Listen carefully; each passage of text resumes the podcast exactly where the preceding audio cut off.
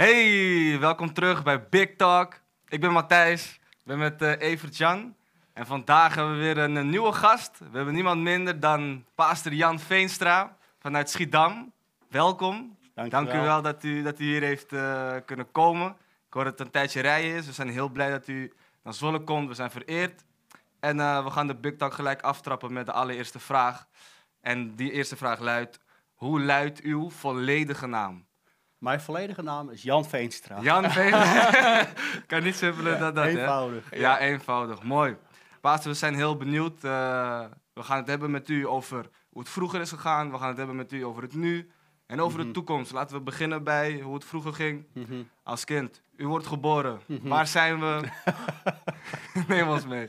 Ja, dankjewel. Nou, allereerst uh, heel erg bedankt voor de uitnodiging. Ja. Het is uh, eer om hier te mogen zijn. Eer is ja. Ja, en ja, nou ja, we gaan terug in de tijd. Ja. 1966. Oké. Okay. Ik ben geboren in een dorpje in Friesland. Oh. Ik kom uit Friesland. Friesland Boppen. Hoor je ook wel aan mijn achternaam. En het uh, lichte accent wat ik heb, uh, kan je, raak je toch niet allemaal kwijt. Ja. Ja, ja. Um, ja, mijn vader is een boer. Ja. Geweest, hij is nu gepensioneerd. En ik ben opgegroeid op een boerderij. Dus geen, uh, geen koeien, maar kippen. Kippen? Heel veel kippen. Oké. Okay. Ja. mijn ouders waren gelovig, dus ze gingen naar de kerk, hervormde kerk. Ze namen me mee naar die kerk. En ja, ik, vanaf kinds af heb ik altijd wel geloofd. Ik kan me nog wel herinneren dat ik uh, tot God bad omdat ik snoepjes had gestolen. Die ik mijn buurvrouw had gekregen en die moest ik dan delen met mijn broertje. En tegen de tijd dat ik thuis was, was alles al op.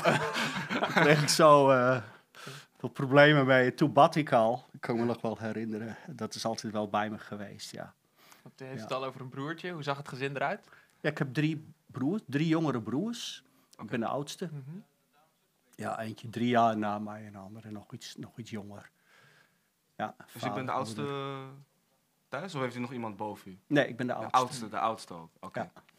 Nou, ik ben benieuwd naar wat, uh, wat hield u bezig als kind? Naar school, u ging naar de basisschool, u woonde op een boerderij? Ja. Dus was een, was een eindje fietsen naar, uh, ja, klopt. naar de school toe? Ja. Hoe was het op school? Heeft u die tijd beleefd? Ja, school, ja, lagere school. Uh, ja, dat is al lang geleden. Ja, ja weet je, ik was uh, ja, wie ik eigenlijk was. Ik was Ja. uh, een rustige jongen. Oké. Ik was niet uh, iemand die altijd voor opliep of die de grootste mond had in de klas. Mm -hmm.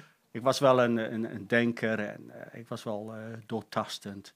Dus ik ben gewoon heel netjes opgegroeid op de lagere school. Ik had mijn vrienden op de boerderij, we waren altijd uh, buiten, altijd ja. katten kwaad uithalen, sloten. Mijn moeder is zo vaak boos op me geweest omdat ik weer met een nat pak thuis kwam, ja. uh, vlotten bouwen, met ijs, schotjes ja. springen. Dus het was heel uh, mooi. We waren altijd, of het nou regende of sneeuwde, dat maakte niet uit. We waren altijd buiten. Ah, dat klinkt mooi. Dat ja, ja, ja, ja. dat is een andere tijd dan tegenwoordig. Ja, precies. Ja, daar kan het natuurlijk heel mooi. Ja, ja. En ik, ik ben eigenlijk benieuwd naar uh, uw uh, opvoeding. Wat kunt u daarvan herinneren? Uw ouders, hoe voed, u vertelde over, u nam, nam u mee naar de kerk. Ja. Wat voor normen en waarden kreeg u mee? Wat ja. u nog kunt herinneren? Dat u denkt, ja. dit was echt een uh, ja. lijn thuis. Nou ja, het is een protestantse omgeving. Ja. mijn ouders waren gewoon Fries, boeren, plattelands. Ehm, ik moet zeggen, wat me opvalt met hoe mijn gezin nu is dat wij uh, ja, heel veel opener zijn, al heel veel dingen praten over het geloof, over de kerk, persoonlijk en zo. Maar vroeger was dat gewoon minder. Dat ligt niet aan mijn ouders, maar er was gewoon een andere cultuur in die tijd. Er werd niet zo openlijk gesproken over allerlei uh, dingen. Maar behalve dat had ik uh, gewoon een hele goede jeugd, geen gekke dingen meegemaakt gewoon in die tijd uh, opgegroeid. Uh, als ik uh, foute dingen deed, kreeg ik gewoon een pak slaag. en dat was, ben ik eigenlijk heel blij om, dat voetje op. Um, ja, ik heb hard gewerkt op de boerderij, dus ik was mm -hmm. gewoon een harde werker. Ja. Friese jongens. ik heb op boerderijstages gehad dat je gewoon s ochtends om vijf uur al onder de koeien, bij de Ja, koeien was te ja. melken. En dat je s'avonds om half tien nog eh, op de trekker zat. En, eh, dat heeft ook wel een beetje een basis in mijn, in mijn karakter gelegd. Ja. Ehm, ja, de kerk. Ik ging mee naar de kerk. Maar de hervormde kerk betekende niet voor mij wat, wat onze kerken nu voor mij betekenen. Ik zat gewoon met mijn vrienden Mhm. achter in de kerk. Er was een bepaalde verhoging. In het Fries noem je dat dan de. Krijken. Ik kraakte daar en hout en dan zaten we gewoon, ja, tja. Ik ben eigenlijk nog een beetje uit te slapen van het uitgaan van de vorige dag. Ja. En toen ik tiener was, ja, zag je leven er zo uit. Ik, ik deed mee. Ik eh, was niet een erg zondaar, maar je, je, je rookte, je dronk, je ging naar de discotheek, je Ja. keek rond en zo. En, eh, maar in de tussentijd was ik wel actief in de hervormde kerk. Oké. Ja, ik deed gewoon Ja? jeugdwerken en eh, Oh. ik was jeugdwerker. Maar het was alleen maar de vorm. Dan Ja, moest je precies. open in gebed. Maar ik, had, ik, ik praatte nooit persoonlijk met God. Dan nam je een boekje en dan las je gewoon een gebed uit een boekje voor. Mhm. Dat was het. En daarna ging ik eh, naar de discotheek. Dus dat was eh, heel anders dan wat ik nu ervaar. En kon u dat zeg maar goed rijmen met elkaar? Dacht u daar wel eens over na? Van- Ah, dat is een goede vraag. Hele goede vraag. Eh, ja, je wist gewoon niet beter. Nee, ja. Kijk, eh, eh, de, ik kan eigenlijk van al die prediking kan ik me maar één preek echt goed herinneren van een dominee waarvan ik achteraf denk van hé, hey, die zat niet ver van de wedergeboorte Mm. af. Die legde de dingen zo duidelijk en strak uit. Ja. Eh, maar voor de rest, ehm, je wist eigenlijk niet beter. En pas toen ik tot bekering kwam en toen ik meer leerde over, over de evangeliegemeente en eh, over het echte geloof, Mhm. ja, ik was totaal verbaasd dat dat allemaal bestond en dat dat allemaal kon. Het was totale verbazing. Dus ik, ik wist het gewoon niet. En je ging gewoon mee met je vrienden, iedereen deed het zo. eh, Ja. ja. En dan gaan we nog, u had het al heel even over hoe je dan het verschil tussen vroeger en dan het evangelie nu, Ja. nu. Wil je nog een klein stukje terug Ja, naar precies. uw eh, middelbare schooltijd? U, wat voor studie Ja. ging u doen? En eh, daarna, kunt u daarover vertellen? Ja. Interessant. Nou ja, dus ik zat op een boerderij, dus ik wilde graag eh, naar de middel- middelbare agrarische school. Ik heb de. MAVO Ja. gedaan, Ja. vier jaar. Ehm, ja, gewoon op mijn sloffen. Dat, daar heb ik echt helemaal niks voor hoeven doen. En eh, de middelbare agrarische school was gewoon heel erg praktisch. Was Mhm. ontzettend leuk. Ontzettend veel stages gedaan op boerderijen, op praktijkscholen. Geploegd met grote tractoren en eh koeien melken en weet ik wat ja. allemaal. Eh, heel erg leuk. Heel praktisch. Eh, daarna de hogere agrarische school. Ehm, eh, eh, ook op school. Ik, ik, liep ik had gewoon wat vrienden. Ik deed mijn dingen. En ik, ik kon makkelijker studeren. Mhm. Eh, ja, ik- gewoon het, het leven van een jonge man. Ik was wel ehm, eh, ja, een getogen rustige jongen was ik Mhm. vroeger. Zelfs een beetje ja, aan de introverte kant, zeg maar. Een beetje opgegroeid op platteland. Mhm. Weinig meegemaakt. Ehm, en op de agrarische hogeschool. Maar ik was wel heel erg avontuurlijk. Dus wat ik, eh, eh, ik, als ik dan iets wilde, dan, dan, dan was ik wel doortastend en doordrukkend. En dan deed ik dat ook wel. Mhm. Dus als je dan eh, op een boerderijstage mocht gaan, dan, dan wilde ik gelijk alles eruit halen. En dan, dan ging ik naar Amerika, ging ik in. Texas. Hey. Oh. Nou, had ik daar op een dairy in Noord-Texas, werkte ik gewoon een paar maanden. ja? Ja, ja, ja. Ja, Ik was nog maar 18 of 19 Oh, of wauw. zo. Ja. En ehm, ja, we hadden dus een kippenboerderij en geen koeien. Mhm. Dus toen dacht ik van, nou, wil ik een beetje scoren om later een baan te vinden, dan kan ik beter afstuderen in de pluimveehouderij. Intensieve ja. pluimveehouderij. Dus toen ben ik naar eh, Den Bosch gegaan. Heb ik daar ook nog een jaar eh, gestudeerd. Ja, leuke ervaring. Carnaval meegemaakt. Oh, dat zal ja. Heel bijzonder voor iemand eh, uit Friesland. En afgestudeerd, ook, eh, ging ook, ook allemaal prima. Toen ben ik in dienst gegaan. Ik heb Ja. infanterie gedaan in eh, Assen. Wa- was echt een geweldige tijd. Ik moet zeggen, ja, veel jongens die eh, vonden het allemaal maar niks. Die gingen ook een beetje bokken en die werden ook weer weggestuurd. Maar ik vond het fantastisch. Ik heb geschoten met kanonnen. Ik Mhm. heb in zo'n grote Chinook helikopter gevlogen. Ja? Ja, ja. Ik heb daar eh parachutespringen ben ik eh, begonnen. Eh, Er kwam een sergeant binnen die zei, ja, als je zo'n leuke wing op je pak wil hebben, dan, dan kun je gewoon leren parachutespringen. Ja, dat wilde ik wel. eh. Oh. Dus ik ben Maar twintig keer uit een vliegtuig gesprongen. ja. Ja? Ja. Maar dat vind ik toch wel Eh. heel bijzonder. Je zegt, ik was een hele stille, Ja, introverte? Ja. jongen, Ja. maar we springen wel twintig keer uit de vliegtuig. Ja, ik was wel heel Ja, dat avontuurlijk. is Ja, toch wel a- heel bijzonder, die combinatie. ja. Ja. Ja. ik kocht een motor, ik heb motor gereden. Ik hield van eh, in bergen lopen. Ik ging bergen eh, eh, Ja. lopen en eh, overwinteren boven in de bergen bij min 20 buiten slapen. Zo, dat soort dingen. Ja, dat vond ik allemaal prachtig. En, Ja. in, en in die tijd, heeft u toen nog ehm, aan God gedacht? Was u verder van God afgekomen toen u naar de middelbare school ging studeren? Is dat Ja. wat u thuis heeft geleerd, is dat nog bijgebleven? Dat is een goede vraag. Ehm, kijk, ik ging eh, in die tijd eh, eh, in dienst kwam ik in de weekenden wel thuis en dan eh, ging ik gewoon mee naar de kerk. Maar dat was Ja. eigenlijk net hetzelfde wat ik Ja. zo net al even zei. Je loopt gewoon mee, je doet je dingen. Toen in dienst was één ding wat wel interessant was. Daar wil ik straks ook nog even terughalen. Dat ik waren we op oefening in Duitsland en dan sliepen we in die, in die tentjes. En dan zondag, ja, dan was even niks. Maar er, was wel een, er werd er een dienst georganiseerd. En dat was dan midden in het bos. Gewoon tussen de bomen. En dan werd, eh, werd er wat Maar dan sprak ik met een sergeant. En, en we raakten een beetje aan het praten. En op een gegeven moment zegt hij zo tegen mij van... Nou, volgens mij is een Pinkstergemeente wel iets voor jou. Oké. Ja. En dat was eigenlijk het eerste zaadje. Heel simpel. Mhm. Volgens mij is een Pinkstergemeente wel iets voor jou. Ja. En dat bleef altijd in mijn gedachten hangen. En toen ben ik eh, uit dienst, heb ik mijn eerste baantje gezocht. En dat vond ik in Deventer.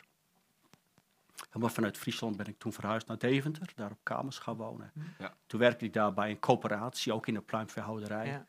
Heel leuk. Ik, ik had een auto, ik moest allerlei boeren bezoeken. Dus heel Twente en Mm. Overijssel. En dit gebied eigenlijk, ja, dat Ja. ken ik wel. Ik eh, heb hier zoveel rondgereden Wat in, leuk. Ja. in, mijn- in mijn dieseltje.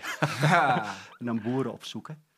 En ik wilde het bedrijf van mijn vader niet overnemen. ja, dat wilde ik nog vragen. Ja. van- ja nee. Nee, ja, ik, ik zag toen al wel dat, eh, eh, kijk, na de Tweede Wereldoorlog ging de landbouw werd enorm gestimuleerd met subsidies. Mhm. Maar eigenlijk 20, 30 jaar geleden is dat de andere kant op gegaan. En je ziet nu dat de landbouw erg beperkt wordt met allerlei milieumaatregelen. Ja. En eh, daar had ik eigenlijk niet zoveel trek in. Om, Nee. eh, ik denk, nee, daar zit geen toekomst in. Nee. En ik had mijn eh, HBO-diploma, dus ik kon gewoon een goede baan eh, vinden. Het was een leuke baan. Maar wel gewoon in dezelfde sector, zeg Ja, maar. in Dat, eh, dezelfde sector. Ja. Ja, en toen eh, ben ik naar Deventer verhuisd. Ja, en Deventer is eigenlijk eh, een enorm scharnierpunt in mijn leven eh, geweest. Oké.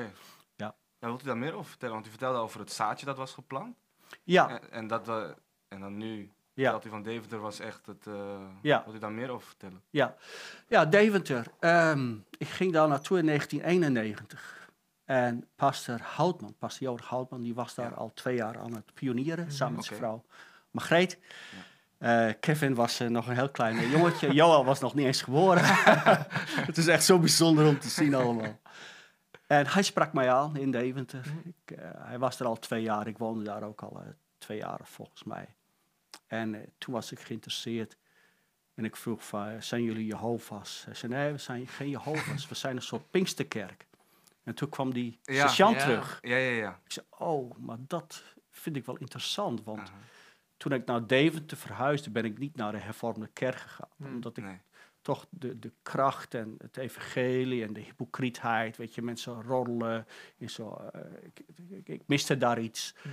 En het eerste wat ik kreeg was een, een berichtje van de kerk of ik eh, voor kerkbalans wilde geven. Mhm. Ik zei, nou, hoe weten jullie nou dat ik hier zit? Nou, dat gaat gewoon via de basisadministratie van de gemeente. En dat was het eerste contact of ik wilde geven. Dus dat, daar knapte ik toen een beetje op af. En toen heeft pastor Houtman mij aangesproken. En eh, toen wilde ik daar wel meer van weten. Hij zei, nou, we kunnen wel een keer afspreken. Toen kwam die koffie drinken bij mij thuis. Ik had een hele mooie kamer in het centrum van Deventer Ja? grote ramen, en uitzicht op het centrum en zo. En eh, ja, die avond, toen, toen dacht ik in mijn hart van ja, dit is eigenlijk wat ik wil. Eh, ja, eigenlijk een deel van mijn getuigenis is dit, dat ik... Ik zocht over, overal van wat wil ik nou eigenlijk met mijn leven. Ja. Nou, eh, misschien wil ik eh, een, een, eh, hele goede parachutist worden of zo, die het ver brengt in die wereld. Maar ja, dat was niet ook, nou, twintig keer springen dacht ik van dit is mijn wereld ook niet. Misschien motorclubs of zo, maar eh, ik denk nou, dat is, dat is het ook niet. Of eh, bergen beklimmen, daar ergens, ja, dat is het ook niet. Sporten, dat is het ook niet. En toen eh, kwam ik met pastor Houtman in contact en er was een kleine pionierkerk. Eh, Ja. er zaten vijf mensen in de kerk. Ja. En, eh, en eh, toen dacht ik, ja, dit wil ik eigenlijk graag. hij was gewoon een heel groot voorbeeld voor mij. Ja. En dan, waarom, wat denkt u dat zeg maar dan de, echt de trigger is geweest? Want u was niet onbekend met God, u was niet onbekend Nee. met zeg maar de dingen van God en naar de kerk gaan. Maar wat was dan echt het grote verschil dat u dacht van, nee, dit is anders, dit is... ehm, Ja, wat ik vaak zeg is, wat ik aan eh Pastor Houtman en Margreet merkte, is eh, ehm, wat ik in sommige christenen vroeger ook wel eens merkte, van hey, die zijn er wel echt serieus mee bezig. ja, Mhm. En op het moment dat je hart voor God opent, dan verandert er ook iets in je leven. Je hebt gewoon een andere blik in je ogen, je handelt anders, je bent anders. En dat zag ik bij hem ook gelijk. Hey, dit zijn mensen die doen wat ze zeggen. Hmm. En die zeggen wat ze doen, die zijn eerlijk. En, Ja. die hebben, en eh, toen ik hoorde van, hè, je bent helemaal verhuisd naar Deventer, alleen om een kerk te pionieren. Ik zo, wauw, dat heb ik nog nooit gehoord. En eh, eh, wie gaat het allemaal opgeven? Hij had een goede baan, hij was een directeur van een, een Ja. boekendrukkerij. En eh, hij zei, nee, maar hier ga ik voor leven. Ik zei, wauw, wauw. Ja. ja, en ik was natuurlijk alleenstaand. Ik zag daar een mooi gezinnetje. Ik denk van, ja, dat wil ik later ook. Ja. Ik moet eerlijk zeggen, ik was natuurlijk vrij verlegen, introverte jongen. Dus op het romantische gebied was er nooit zoveel gebeurd in mijn leven. Ik denk, ja, eigenlijk wil ik dat ook. Iedereen wil dat Mhm. natuurlijk. ja. Ik denk, nou, ja, ik ga, maar ja, God raakte mij ook enorm aan. Oh. Toen ik een keer die beslissing had gemaakt, dus op die kamer, ja, dat was eh, fantastisch. Ja. Ja. Was dat, dat was uw bekering? Ja, Ja, Ja. vertellen, hoe, eh, hoe is dat gegaan? Nou ja, kijk, hij, hij sprak toen al die avond met mij, eh, een kopje koffie gedronken. En toen zei ik in mijn hart al van, dit wil ik. Hmm. Dus ja, we hadden niet gebeden, ik had Oh, mijn hart ja, ja. hand niet opgestoken. Ik, ik snapte niet alles nog. Nee. Hij zei van ja, maar als je tot bekering komt, dan eh, ben je, ga je naar de hemel en ga je niet meer naar de hel. En ik zei, naar de hel? Dat, geloof, dat geloofde ik allemaal nog niet zo, weet nee, je nee, wel. nee. Er waren heel Ja. veel dingen die ik niet geloofde. Ja. Ik geloofde in evolutie en zo. En, eh, maar ik wist wel van ik wil God dienen. Ja. Ja. Maar de andere overtuigingen die kwamen later. Ja. En Een paar weken later, toen deed hij eh, heel goed zijn best op een oproep. Toen dacht ik, nou laat ik mijn handen opsteken. en toen hebben we samen gebeden. Ja. En aan de buitenkant lijkt het dat je dan tot bekering bent gekomen. Ja. Maar zat al eerder al binnen, had ik het al van binnen, ja. ja. En kun je het nog herinneren hoe dat was? Dat het, zeg maar, toen u echt Jezus in uw hart vroeg, was dat echt, dat u dacht van, wow, dit is, een an, dit is anders dan wat ik ooit van God heb ervaren, zeg Ja, absoluut. Ja, Ja, dag en nacht verschil. ja, Ja, absoluut. Ja, ja gewoon de zekerheid die komt, de verandering die van binnen komt, de overtuiging van, van zonde, weet je wel, het roken, de drinken, tv, de dingen die je kijkt. ja. Ja, je, je, je wilt dat gewoon niet meer. Je Mhm. wilt God dienen, de Bijbel. Het was ongelooflijk. Ik zat in die Bijbel te lezen en ik woonde op mezelf, dus ik was aan het koken en ik verloor mezelf zo in de Bijbel. Ik op een gegeven moment dacht, oh, de aardappels zijn aange- gebrand, weet je wel. Vanavond niet eten. Ja, dat was zo. Ja, Geestelijk voedsel. dat- Liefde voor God ja. ook gelijk. Ja. Ja, absoluut. Wauw. Ja. Ja, echt. Ja. Volgens mij hebben, heeft Pasen niet heel lang in Deventer gezeten, toch? Op een gegeven moment Nee, dan, dat eh, hoe is klopt, dat ja. gegaan? Ja. ja, jullie hebben een goede vraag. ja. Nee, we hebben twee jaar in Deventer gezeten. En er waren de twee jaar dat een basis is gelegd in mijn leven. En, ehm, maar in die tijd was het allemaal nog iets strakker in de fellowship dan nu. En ehm, hij had daar vier jaar gepioneerd en we hadden vijf goede mensen. Dat werd toen niet zo succesvol gezien en dan was het maar beter om weer terug te komen voor redirection. Ja. Dat is nu niet meer zo. En ik kan me nog herinneren dat op een ochtend pastor Valk dan kwam preken in Deventer, in een wijkcentrum. En die zei, nou ja, we gaan de kerk sluiten. En eh, hij wilde dan eh, ons eh, die beslissing laten maken. Wat willen jullie? Ik wil een nieuw echtpaar naar Deventer sturen. Of, ehm, of je kunt met z'n allen terugkomen naar Amersfoort. En jullie mogen kiezen. Ja. Ja, gebeden naar voren bij het altaar. En eh, nou, toen moesten we kiezen. ja, eigenlijk eh, konden wij de gevolgen van onze keuzes nooit Nee. overzien op dat moment. eh. Nee. Maar ehm, nou, we kozen met z'n vijf uiteindelijk ervoor. Ik weet niet meer of we gestemd hadden, we waren oneven. dus dan, om toch terug te gaan naar Amersfoort. Ja. Samen met pastor Houtman. Dus we gingen allemaal verhuizen ook. eh, Oh, ja. ja. al die discipelen, allemaal zijn ze nu ook aan. Pieter van IJsers was daarbij. Oh ja. Ferry Wagenmakers, Irma van Leerdam, Jos Kaufman. Wij met z'n vijven. En nog een jongen die kwam hier naar eh, Zwolle. En we zijn verhuisd en toen waren we ineens een deel van de Amersfoort. Ja. Ja. En toen was Pastor Valk mijn pastor. Ja. Hoe is die tijd gegaan? Dat u tot bekering kwam en u ging naar Amersfoort. Ja. Op een gegeven moment natuurlijk, we willen graag gaan naar dat u paarse Ja. bent geworden. Maar ja, daarvoor zijn natuurlijk wat stappen Ja. daarvoor. Dus u bent, aan het, eh, u bent een discipel geworden. Hoe is die tijd gegaan in Amersfoort? Ja, ook weer een hele goede vraag. Want ehm, ik heb uiteindelijk vier pastors gehad in mijn leven. Oké, ja, kijk. En ehm, ja, pastor Houtman heeft van mij echt een, een christen gemaakt. En eh dat was een fantastische tijd met Ja. z'n vijven in een pionierkerk. En natuurlijk waren er meer mensen eromheen. Ja. Mhm. Ja, ik kan me nog herinneren dat hij eh, dacht van nou, we moeten een keer een ochtendbidstond eh vestigen. Dan had hij een woensdagavond een preek over ochtendbidstond. We wisten niet wat dat was. En het- toen daagde hij ons uit om elke ochtend bij hem thuis te komen bidden om half acht. Hm. Nou, en wij zeiden ja, dat, dat gaan we doen. Ja. En de volgende ochtend om half acht waren, was de hele kerk dus op de bid stond bij hem thuis. Ja, zo ging dat dan in zo'n kleine kerk. En vanaf dat moment heb ik dat altijd Ja. vastgehouden. Mhm. Het is- was echt eh, ja, de, de toewijding en eh, het folderen, de evangelisatie, dat, dat Ja. heb ik toen opgepakt. En dat is een basis geweest de eerste twee jaar, die eigenlijk altijd bij je is gebleven. Mhm. En dat, ik, dat doe ik nu nog steeds, wat ik toen geleerd heb. Ja. Kijk, ja, dat is Ja. mooi. Ja, toen ging ik naar Amersfoort. Ja. Nou, toen heb ik, eh, Pastor Valk was mijn pastor. En Pastor Valk heeft van mij echt een discipel gemaakt.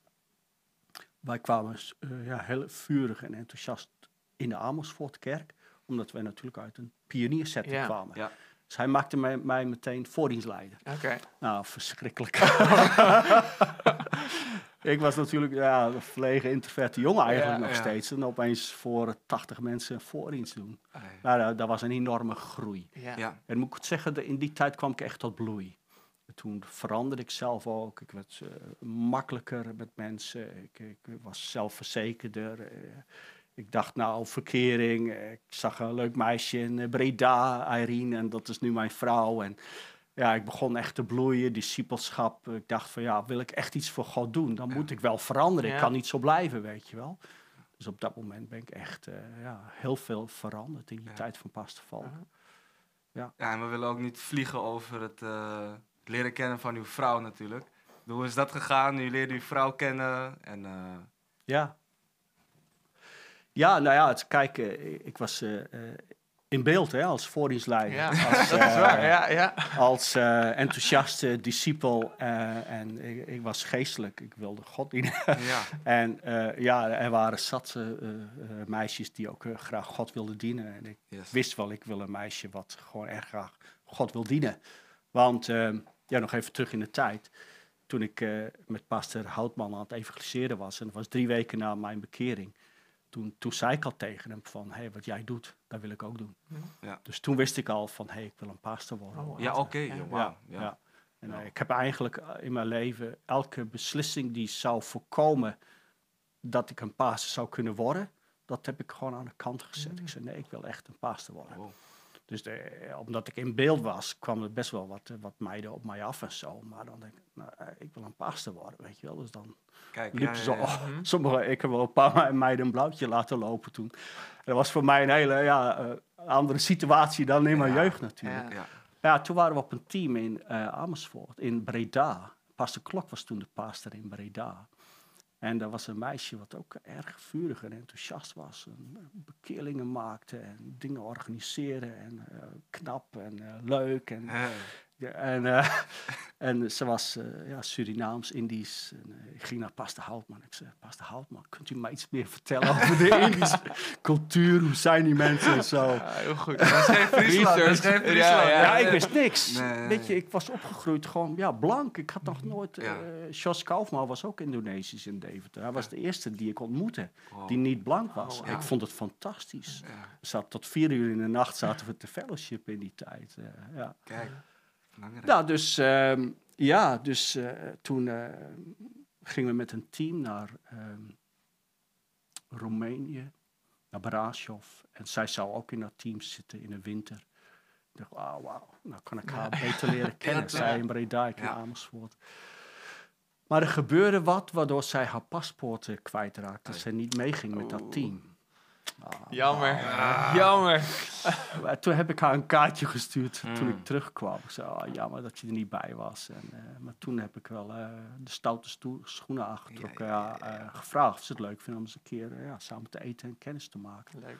dat wilden ze wel.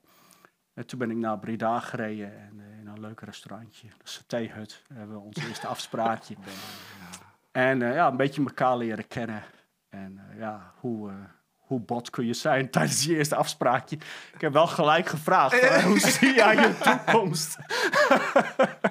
Zou je een Ja. basisvrouw willen worden? Ja, oh, denk, ja, anders is er niet, eh, geen toekomst, weet je wel. Maar ja, zij was toch wel, eh, ze zag dat wel zitten, ja, ze was niet negatief. Nee. Ik, ja, ik vind het mooi wat u, dat, u, wat u eerder ook zei. Van, u was 18, toen ging u al naar het buitenland toen, om, voor op de boerderij toen in Texas. eh. In Texas. dus u had wel echt een, van als u ergens voor gaat, dan gaat u er wel echt Ja, voor. En als u beslist van, ja. ik, ga, ik wil paas worden, dan maakt u wel hele Ja. strakke keuzes. En, Ja. Dat En ook al mooi. duurt het even, ook al ik ben niet iemand die Ja. heel hard loopt, geen sprintjes trekt, maar ik kom er uiteindelijk wel. Ja, Ja. precies. En echt nadenken over de stappen. Zeg maar. Ja. ja. Ja. Dan ben ik benieuwd. Nou, u bent toen eh, getrouwd in, Ja. in Amersfoort. Ja. Ehm, u bent toen uitgestuurd. Wie was toen uw pastor? Ja, dus eh pastor eh, Valk heeft van mij echt een discipel gemaakt. Ja. Mhm. Toen ben ik getrouwd. Daarna ging pastor Valk ook vrij snel naar eh, Zwolle. Ja. En toen kregen we pastor Behorkus Ja. in Amersfoort. Dus Ja. hij was mijn derde pastor. Ja. En hij heeft van mij echt een, een, een man gemaakt. Een getrouwde man, eh, zeg maar. Hoe het huwelijk werkt. En Ja. hij heeft me veel gecounseld. Eh, wij werden uitgestuurd naar Hilversum. Rick was negen maanden. we waren kort getrouwd. Twee jaar getrouwd. Ja. En we gingen pionieren in Hilversum. Hilversum. En. Begorke stuurde ons uit. eh, tot mijn verbazing. Ik liep, vroeg me altijd wel, wanneer stuurt u mij uit, wanneer stuurt u mij uit. Op een, op een conferentie zei hij van, Jan, eh, we gaan je vrijdag uit. Oh, wauw. Oh. Wauw. Nou, dat was een, ja, natuurlijk waar ik al die jaren ook naar uitgekeken Ja, had. wel, dat ja. was ik, eh, ja, was echt aan het, aan het dansen en aan het juichen en het zingen in de auto. Ik denk, wauw, we gaan Ja. ervoor. Oh. Maar dat is mooi, want u was wel u was bereid al. Want u he- heeft die beslissing al gemaakt. Ja. Dus, ja. Jaren geleden al, ja. Wauw. Zo, ja.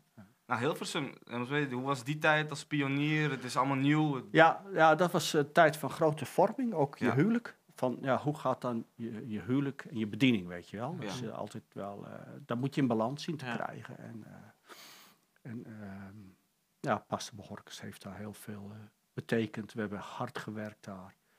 Heel hard gewerkt. Twee jaar hebben we daar gezeten. Eh, wel een paar mensen. En na twee jaar was er een, s- weer een switch in Amersfoort. En toen kwam Pastor Klok Klok, ja. in eh, Mhm. Amersfoort. Toen vroeg pastor Valk mij, ja, je- ik wil je pastor blijven, maar je kunt je ook schakelen aan pastor Klok aan de Amersfoortkerk. Nou, ik heb me altijd heel erg verbonden gevoeld met de Amersfoortkerk. Hm. Dus, nou, ik wil graag, toch graag aan Amersfoort gebonden blijven. Dus dan, dan, dan wil ik wel graag onder pastor Klok functioneren. Ehm, nou, hij stelde mij voor, Jan, eh, ja, waarom kom je niet terug naar Amersfoort? Ik kan wel goed echtparen gebruiken. Het was een beetje ja, een hectische Mhm, tijd, ja, denk ja. ik. Bij ons was er even niet zoveel gaande. Nee. En toen zijn wij eh, teruggegaan naar eh, Amersfoort. En ehm een vrouw meegenomen uit Hilversum. Dat is toch al wel bijzonder. Elk pionierwerk heeft toch wel Ja. vrucht, Ja. weet je wel. Ja. Het is nooit voor niks, absoluut. Dat is nooit voor Nee, niks. nee, nee, nee. Nou, in, in een andere zin, zonder Hilversum was er dan ook nooit in Schiedam geweest. Want we hebben maar een paar maanden in Amersfoort gezeten toen. Ja. ja. En toen ging Pastor Leuzing, die zes jaar had gepionierd in Schiedam, die ging naar eh, Litouwen. En er kwam een open deur en Pastor Klok vroeg ons of wij dan eh, Schiedam wilden overnemen. Ja. ja. Nou, met de ervaring eh, in Hilversum, ja, was er nooit in Schiedam geweest. Dus dat was leuk werk. Pastor Leuzing had net een gebouw helemaal eh, afgemaakt, helemaal verbouwd. Ja, had, net, eh, had zes jaar lang daar eh, geknokt. En op het laatst had hij een doorbraak. En had hij een groep jongelui, enthousiaste jongelui. Zo'n Mhm. stuk of vijf, zes, zeven mensen. Ja, en toen ging hij weg. en toen kwam ik daar en was gewoon een gespreid bedje Ja, eigenlijk. Een nieuw gebouw en een leuke groep jonge mensen. En ja, toen hebben we in Schiedam een hele leuke tijd gehad. We hadden opwekking, we waren vurig, enthousiast. Jonge mensen kwamen erbij. eh, Pastor Klok was echt een, een toppastor. Ik, ik belde hem gewoon tussen de diensten door, bij wijze van spreken. Weet je Ja. wel. Pastor, iemand vraagt mij, eh, wat moet ik zeggen? En dan, en dan belde ik Pastor Ja. Klok en dan s'avonds ging ik naar die persoon toe. Toen zei ik, nou, ik denk dat je dit en dit moet doen. Ik heb erover nagedacht. ik heb erover gebeden. Ja, ja, ja. Ja, en in die zes jaar, Pastor Klok heeft van mij echt een pastor gemaakt. Wauw. Mm. Ja. Ik vind mooi die, die fases die je steeds eh, beschrijft. Die, dit en toen dit, daarna, wauw.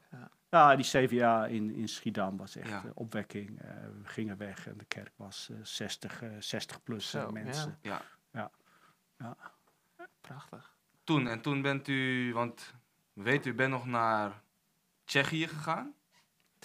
Is daartussen nog, bent u toen nog Ja. ergens geweest? Ja, we zijn er nog niet. Nee, Ja, nee, zijn er nog niet. ik heb echt veel ja. meegemaakt. Ja, ja, Jullie ja, houden ja, de klok ja. in de gaten. Ja.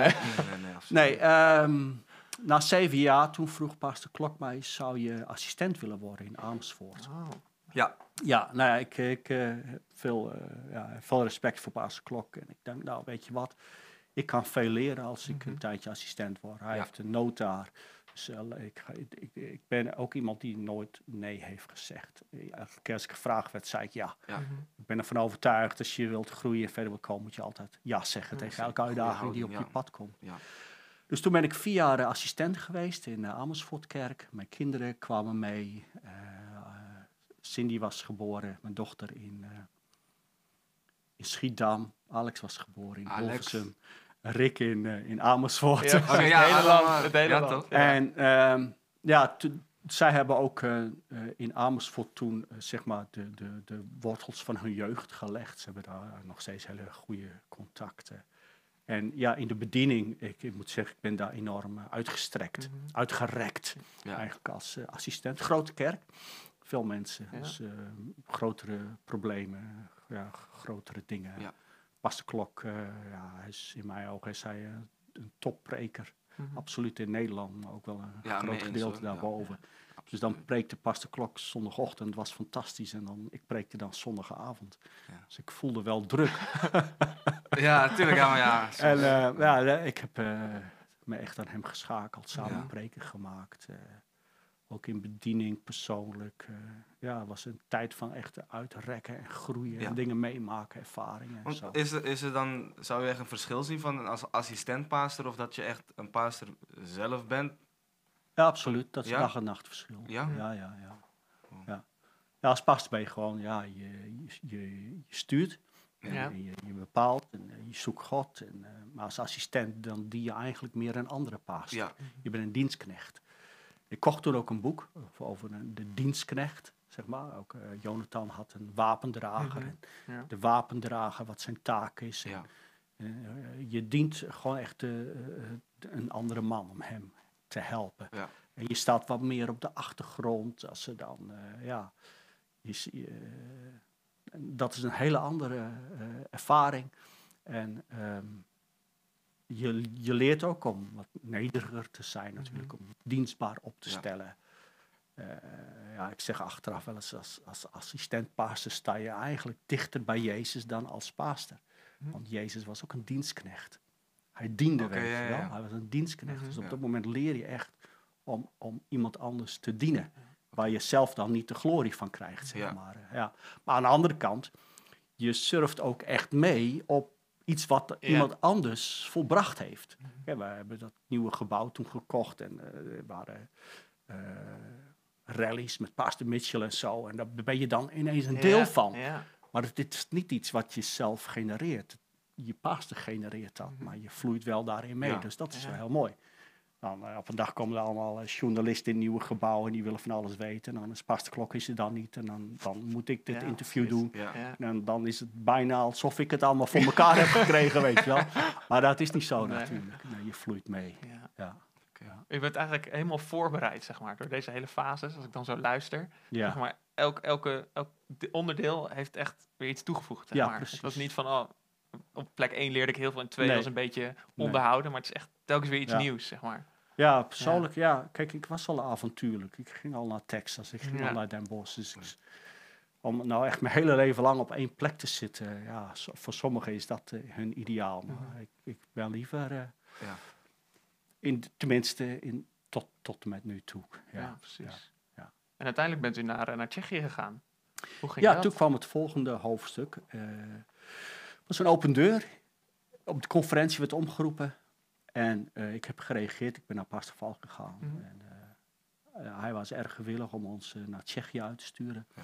Was een nood. Pastor Ipe Toren. Ipe en Danielle Toren hebben daar een paar jaar gediend. Die kwamen weer terug. Ja. Ja, dat was een droom. Ik wilde altijd al iets met de wereldevangelisatie doen. En Ja. zendeling worden. En dat was een grote stap. Ja? Ook voor mijn hele gezin natuurlijk, ook voor mijn, voor mijn jongens, voor mijn, voor mijn kinderen. Ja.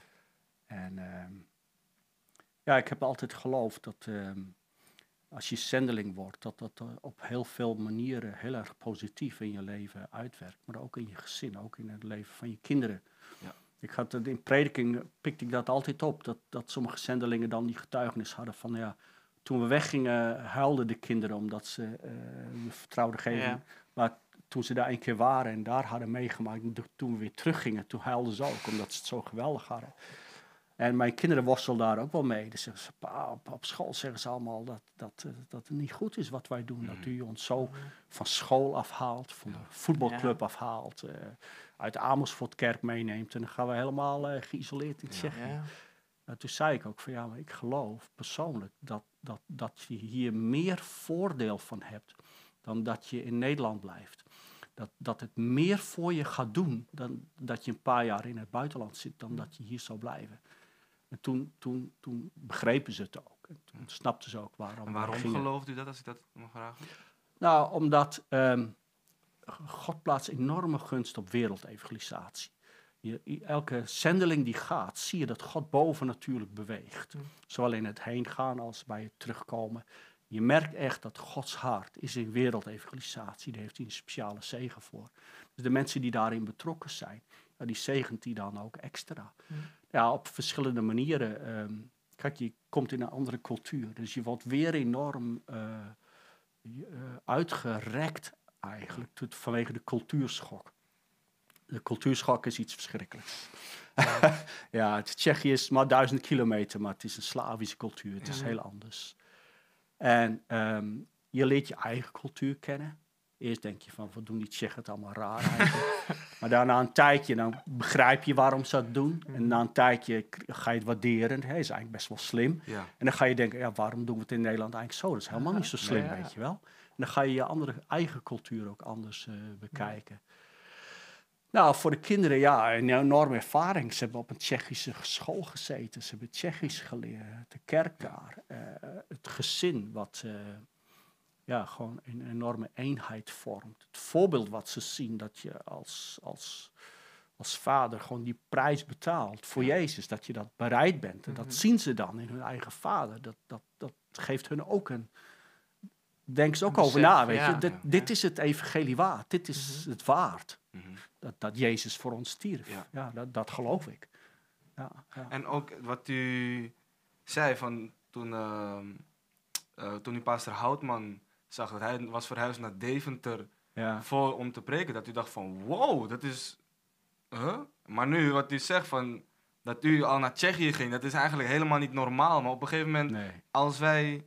Bij ons is het soms bijna normaal dat pastors worden, oh die gaat, die gaat daar Ja. en die gaat daar, en dan denk je bij Ja. ons normaal. Maar het is helemaal niet normaal. Nee. En helemaal niet voor de mensen die daar zijn. Die zullen ook denken van, wat? Ja. Van wat doe... Wat komt gewoon iemand uit Nederland, uit Friesland? Ja. Die komt even in, ehm, in Tsjechië. Ja, het was een rare situatie. Ja. Ik was daar als Fries. Mijn vrouw is Surinaams. Ja, toch? Ze, wist- ze wist niet eens waar Suriname lag. Oh jeetje. Ja, ja, ja. Ja, Hoe heeft u die tijd ervaren? Wat heeft u echt daar geleerd wat u echt niet in Nederland ja. geleerd hebt? Goeie vraag. Ja, eigenlijk, ehm, wat ik zo fantastisch vond, is dat je, het is jij en God. Ja. Ja, eigenlijk is het totaal het omgekeerde als het assistentschap. Daar dien je echt een andere Ja. paaster. Als zendeling eh, ben je heel geïsoleerd. Ja, je hebt je telefoon en eh, Mhm. zo, maar ja, je, je moet het daar doen. Ja. En de cultuur, eh, ja, jij leert de cultuur kennen. Jij gaat onze visie toepassen in hun culturen. Je moet het zelf uitzoeken. God zegent dat enorm. Ook, we hebben daar een gebouw, ge- ander gebouw gezocht. Nou, het was gewoon een wonder hoe dat allemaal ging. En God plaatst zo zijn zegen daarop, weet je wel. Ja, andere wonderen meegemaakt. Het is echt, eh, Ja, zou je een ho hoogtepunten kunnen... Nou ja, maar ook bijvoorbeeld meer in, in het... Nou, dat gebouw was wel heel eh, bijzonder. Ja. Dat, dat, eh, we wilden een ander gebouw. We, we baden echt heel specifiek voor een gebouw. En 700 meter verderop was het gebouw. En, maar wij wilden eerst iets anders en dat Ja. ketste af. En toen kwamen we hier binnen en dat, dat was gewoon gelijk raken. Ja. Ja, hoeveel moeite we in Nederland soms hebben om gebouwen te vinden. En dat was gewoon in één keer raak Ja. precies wat we ook gebeden hadden. Hè? Dus gedetailleerd bid je ergens voor en binnen no time doet God het. Ja. Ja, dat is echt Mooi. heel mooi. Ja. Maar ook bij onze terugkomst, dan kom je weer terug naar Nederland. En dat is ook cultuurschok. Ja. Het is een Weer beetje- terug, ja. ja. Terug is eigenlijk erger dan heen. Oké, Oké. ja. Ja. en, ehm, maar God heeft zo voorzien. Ook in huizen. Ik moest weer een baan. Nou, ik, ik kreeg een baan in Ede bij de Christelijke Hogeschool. En die mensen zeiden ook van ja, dat heeft zo moeten zijn. eh. Mhm. En het huis ook. ehm, we liepen met die makelaar daar rond en er was iets niet in orde. En toen zegt hij zo, oh wacht even, hier is nog iets. En we liepen daar binnen en dat was het dan in één keer. En ja, heel toevallig ja, komt alles bij elkaar. Ja. Toen ben ik, ehm, eh, ik ben ook nog zes weken evangelist geweest eigenlijk. Oh. Omdat eh, Schiedam was, eh, kwam pas later. Hè. Ik, Mhm. kwam terug als evangelist. In Amersfoort. In Amersfoort, Is- ja, vanuit, vanuit de Amersfoort, Amersfoortkerk, ja. ja. En dus, eh, maar toen gingen we na, al vrij snel naar Schiedam. God heeft gewoon weer bewogen, weet je wel. Ja. Gewoon met een huis. De huizenmarkt was zo moeilijk. was die tijd dat je wel moest overbieden en dat je gewoon Ja. niks kon krijgen. Huren ontzettend hoog. Maar op een of andere manier, je, je ontmoet wat mensen die hebben wat. En voordat maar één makelaar zich over dat huis kon ontfermen, hadden wij het al Oh, gekocht. ja. En, dus een baan, weet je wel. Dus ja, God zegent zo enorm. Ja. ja. Ja. Dus nu zitten we in eh, Schiedam Ja. weer. Hoe is die tijd in Schiedam nu? waar, waar, eh, waar houdt u zich eh, mee bezig? Ehm, Ja, dat is wel apart. Ik was Ja. zeven jaar in Schiedam. Ja. En dan kom ik weer terug. Precies. Ja, dat is eigenlijk ook weer heel eh, bijzonder. Je denkt van, oh, ehm het is mijn eigen kerk. eh, je kent de mensen en Mhm. het zal makkelijk zijn. Maar eigenlijk is het juist niet. Het is eigenlijk moeilijker. Oké. Omdat ehm, nou, een groep mensen kent jou niet. Voor hun ben je een nieuwe pastor. Ja. Mhm. Van de mensen die je kent van vroeger, zijn eigenlijk veel mensen veranderd. Ja. Dus je denkt van, hé, hey, eh, ik ga gewoon verder waar wij, eh, hoeveel was het, acht jaar geleden opgehouden zijn. Maar Ja. dat is niet zo. Nee. Mensen zijn veranderd. Sommigen zijn juist gegroeid, anderen zijn juist niet gegroeid. Mhm. En ehm, ja, dat, dat is het grote verschil. Ja. Ja. En dan ben ik ook benieuwd van, ehm dat klinkt misschien heel eh, brutaal, van waarom zou iemand naar uw kerk gaan? Wat, waarom zouden wij, zeg maar, als, wat vertelt u op straat aan mensen? Dat u echt zegt van, dit is belangrijk, wat is, eh, ja, waar, wat is uw kerk? Ik ben echt benieuwd van, hoe ziet Schiedam er eigenlijk uit? Van, eh, wat Ja. leert u de mensen in de kerk? Wat Ja. is, eh, Ja. Ja, hoe schiet Schiedam er nu uit? Eh, ja, er zijn natuurlijk in die paar jaar dat ik nu in Schiedam ben, drie, drie jaar, iets meer dan drie, alweer heel veel dingen veranderd. Ehm, ik ben begonnen als fulltime. Tenminste, ik heb eerst die baan afgemaakt ja. die ik had als evangelist. En toen ben ik als fulltime gaan, gegaan in Schiedam. Ehm, uiteindelijk een anderhalf jaar eh, trokken we dat niet zo. Er gebeurden wat dingen. En ehm, eh, uiteindelijk met pas klok overlegd, een bijbaantje. En dat ging nog niet. En, nou ja, maar weer terug in de IT. Ik, ben, ik werk eigenlijk in de IT. Ik ben Hmm. Oh ja. IT'er. Ja. En ja, God heeft gewoon weer eh, voorzien. Gewoon, eh, ik heb zoveel gaten in mijn cv. Ja. Ik, ik Ja, dat- ja, natuurlijk. Ik ben zendeling geweest. Ja. Eh, Ik was eruit anderhalf jaar en zo. Ik denk, ja, hoe krijg ik ooit een goede baan in de IT? Dat, dat kan toch eigenlijk niet? Ja.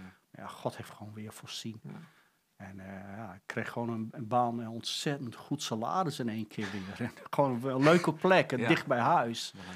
Ja, dat is echt bizar allemaal, ja. Wat u ook zegt, toch? Mensen die uitgaan, die worden ook gezegend als ze Ja, terugkomen. Ja. Ja, God Ja. heeft er altijd in voorzien. Ik ben een paar keer ontslagen geweest. Een grote zak met geld mee. En gewoon een huis zo Ja. weer, een baan zo weer. Ja, dat is echt bijzonder. God is echt trouw. Ja. Ja. En we hadden het eh, helemaal op het begin gehad over de normen en waarden die, die eh, u meekreeg van uw ouders. Ja. Wat voor normen en waarden geeft u uw kinderen nu weer mee vanuit huis? Ja, ik moet eerlijk zeggen dat ik eh, nou ja, erg gezegend ben met mijn kinderen. Ja. En ze luisteren nu mee.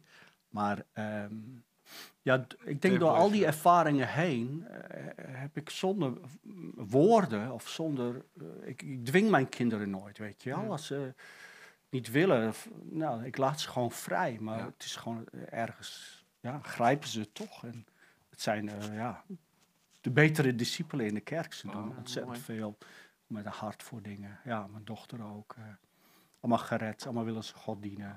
Ja, eigenlijk heel bijzonder. En dat, maar ik denk ook dat dat een zegen is die daaruit voortkomt. Ja. En nooit nee absoluut. zeggen, altijd Ja. gewillig, eh, prijs betalen. En, eh, ja. Ja. Hoe denkt u nou over de toekomst?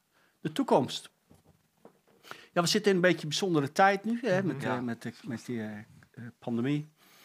Ehm, heeft zijn effect op de kerk. Eh, wat minder mensen, is eh, heel anders. Maar ik geloof dat we er wel weer eh, uitkomen, dat de kerk ook kan groeien. Ja. Ja, eh, in Schiedam, we zijn op, ontzettend op zoek naar een ander gebouw. Ehm, we zaten vlak voor corona met z'n 75 mensen, 80 soms in een zaaltje van nog geen 120 eh, vierkante Mhm. meter. Dat was echt eh, volgepropt. Ja. Ehm, ja, wij willen daaruit, want als corona afgelopen is, dan geloof ik dat heel veel mensen weer terugkomen. Veel mensen kijken naar livestream, Ja. die durven eigenlijk niet naar de dienst te Nee. komen, maar er is nog contact. Dus daar zijn we erg mee bezig. Ehm, ehm, kijk, ik heb niet echt die- dat ik zeg van, nou, dit wil ik nog bereiken, weet je wel. Ik Ja. heb het allemaal wel een beetje meegemaakt, Ja. maar ik wil graag ja, vruchtbaar zijn. In wereldevangelisatie betrokken zijn. Mhm. Dat wij... eh, eh, dat ik weer fulltime kan worden. Dat we babykerken uitsturen. Dat we ooit in wereldevangelisatie betrokken zijn. En, eh, ja, dus on- onze visie gewoon Ja. uitweg. Gewoon God Ja. dienen op de plek waar je bent. En ik ben helemaal niet bezig met van ik wil dit nog eens of ik wil eh, dat nog eens. Maar ja, misschien krijg ik wel weer eens een telefoontje van Ja. eh, pas de schuiten of Hey. pas de klok. je weet maar nooit. Maar ja, we zien het wel. Ja. Maar ik wil gewoon vruchtbaar zijn op de plaats waar ik ben. Ja. Gewoon, eh, je ziet de, de wereld afglijden, moraal glijdt af, het godsbesef glijdt Ja. af. En eh, ja, ik wil eh, mijn uiterste best doen om gewoon dicht bij God te blijven. Gewoon dat, dat vuur, hè, wat, wat, toen, wat ik toen in Deventer had, dat Ja. vuur wat toen aangestoken is, om dat te, laten Ja. branden. Yep. Wij kunnen niks uit onszelf, weet je wel. We hebben Gods geest nodig. En, Ja. en, en dat het vuur in je brandt. En ja, dat is, eh, ja, dat is bijna wel een uitdaging er in deze Ja. tijd. hè, Om, om dat echt Ja. te, te- vast te blijven houden. Prachtig. Nou, we zijn een beetje aan het einde gekomen. Ik wil u nog vragen. Heeft u nog iets dat u wil zeggen? Zelf een bemoediging? Iets tot, tot ons? Tot de luisteraar. De luisteraar? Ja, nou ja, eigenlijk als je kijkt naar mijn leven, zeg ja, zeg nooit nee tegen de Mhm. uitdaging. Oké. En God is altijd getrouw. Ja. Ja, dus je, je hebt echt, geloof dat. Ja. Hè, er zijn momenten geweest dat ik het zelf niet geloofde, maar ik, ik deed het gewoon. En eh, gewoon uit dankbaarheid, wat God voor ons heeft gedaan, is eigenlijk geen prijs eh, te klein. Nee. Ja, als je leest in, in het Nieuwe Testament wat Paulus allemaal deed en waar Paulus doorheen ging en hoe die tijd eruit zag met de vervolging door de Romeinen en zo, ja, dat, dat hebben wij vandaag de Mm. dag niet eens, weet je wel. Dus in het licht daarvan is de prijs die wij nu betalen, is nog maar een schijntje. Ja. In vergelijking met wat die christenen in de Bijbel eh, toen Ik heb dat ook. Hè. Soms dan denk ik soms wel, ja, ik heb het wel zwaar hoor. En dan lees ik dan denk ik, ja. Ja, Nee, Ik heb nog geen schipbreuk gelezen. Nee, nee, dat, eh, nee. Dus nee. ja, als je wilt groeien, dingen voor God wil doen, hij is het absoluut waard. Dus Ja. zeg Ja. nooit nee tegen een uitdaging die Nee. een pastor of iemand anders of, een, of God zelf, weet je wel, op je plaatst. Ja, En ga er helemaal voor. Haal alles uit je leven. Ik was avontuurlijk, weet je Ja. wel. Motorrijden, parachute springen, dat soort dingen. Maar nu doe ik hetzelfde, maar dan voor God. Ik wil echt alles eruit halen Ja. wat erin zit. Prachtig. Ja, Mooi. dank u wel. Dank u wel voor uw tijd. ja Ehm, graag ehm, gedaan. Even Jan, jij ook bedankt. Ja, jij bedankt Matthijs. Luisteraars, ook natuurlijk eh, bedankt. Bedankt voor het luisteren, bedankt voor het kijken. We hebben geleerd, the greater the battle, the greater the reward. Amen. Dus eh, dat is wat wij hebben geleerd. Ik hoop dat je heeft kunnen bemoedigen. Wij gaan weer weg. En eh, we zien jullie de volgende keer weer. Heeft u nog een groet in het Fries? Ontjen. Hey! Yo! Tot ziens. Hoi, leuk dat je weer keek naar een eh, aflevering van Big Talk.